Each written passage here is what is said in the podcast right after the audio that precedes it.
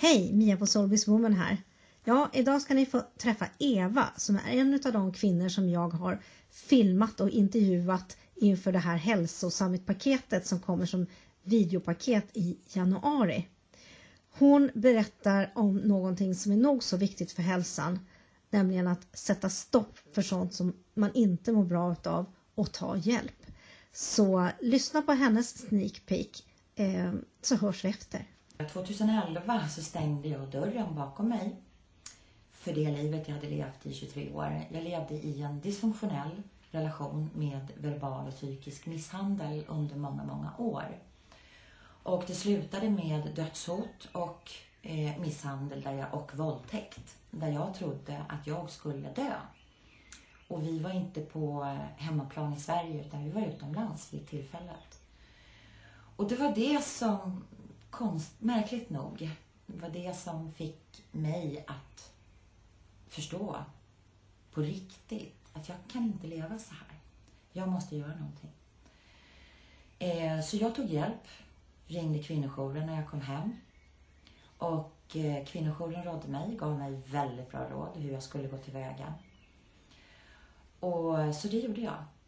Jag följde deras råd, eh, packade mitt pick och pack och drog eh, den dagen då min före detta, mitt ex då, inte var hemma utan var bortrest.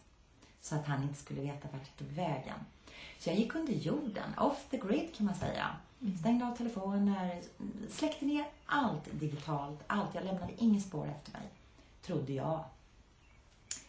Men det är en annan historia. Mm. Och, eh, och så valde jag det jag inte hade gjort under säkert en 20-årsperiod. Jag berättade aldrig för någon, jag pratade aldrig med någon vad jag levde i för relation. Att jag krympte mer och mer. Därför att att leva i en dysfunktionell och ohälsosam relation eh, gör ju att du börjar förminska dig själv. Du blir osäker.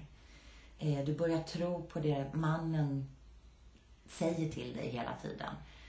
Eh, och just den mannen jag levde med, han, var, han är ju narcissist med psykopatiska drag som var väldigt tydligt och som utvecklades också till förfining skulle man kunna säga under alla år som vi levde tillsammans.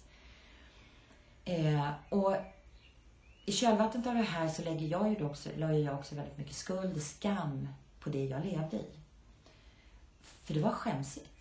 Det var skam, skamligt att jag, en stark kvinna med skinn på näsan, som pratar mycket, väldigt social, skojade med folk och så vidare, körde teater och var väldigt utåtgående, kunde hamna i en sån här relation.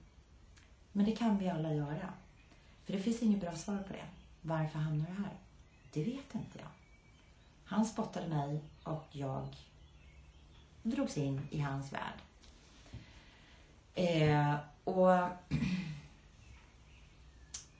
jag eh, valde när jag stängde dörren att eh, jag måste berätta.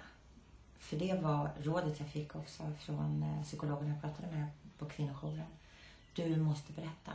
Du måste få ett nätverk, ett skyddsnätverk runt omkring dig. För det kommer du behöva. För din sambo kommer att eskalera i sitt beteende. Och du kommer att sluta med det du blev utsatt för.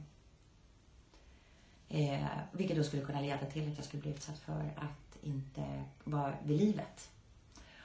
Och eh, så jag eh, valde då att berätta för min familj som jag hade hållit utanför och knappt haft kontakt med. Jag var alienerad ifrån närmsta vännerna försvann och familjen fanns där men de, jag höll dem på avstånd just för att jag levde i den här relationen. Så jag valde att ta kniven för mun och berättade min historia. Ja, då har ni mött Eva Killerström. Ett viktigt ämne, eller hur? Hon berättar mer om hur hennes liv förändrades och vad hon har gjort för att må bra. Så lyssna in och titta in i januari på det. Och imorgon så kommer nästa sneak peek, så missa inte det. Tills dess, ha det så gott! Hej då!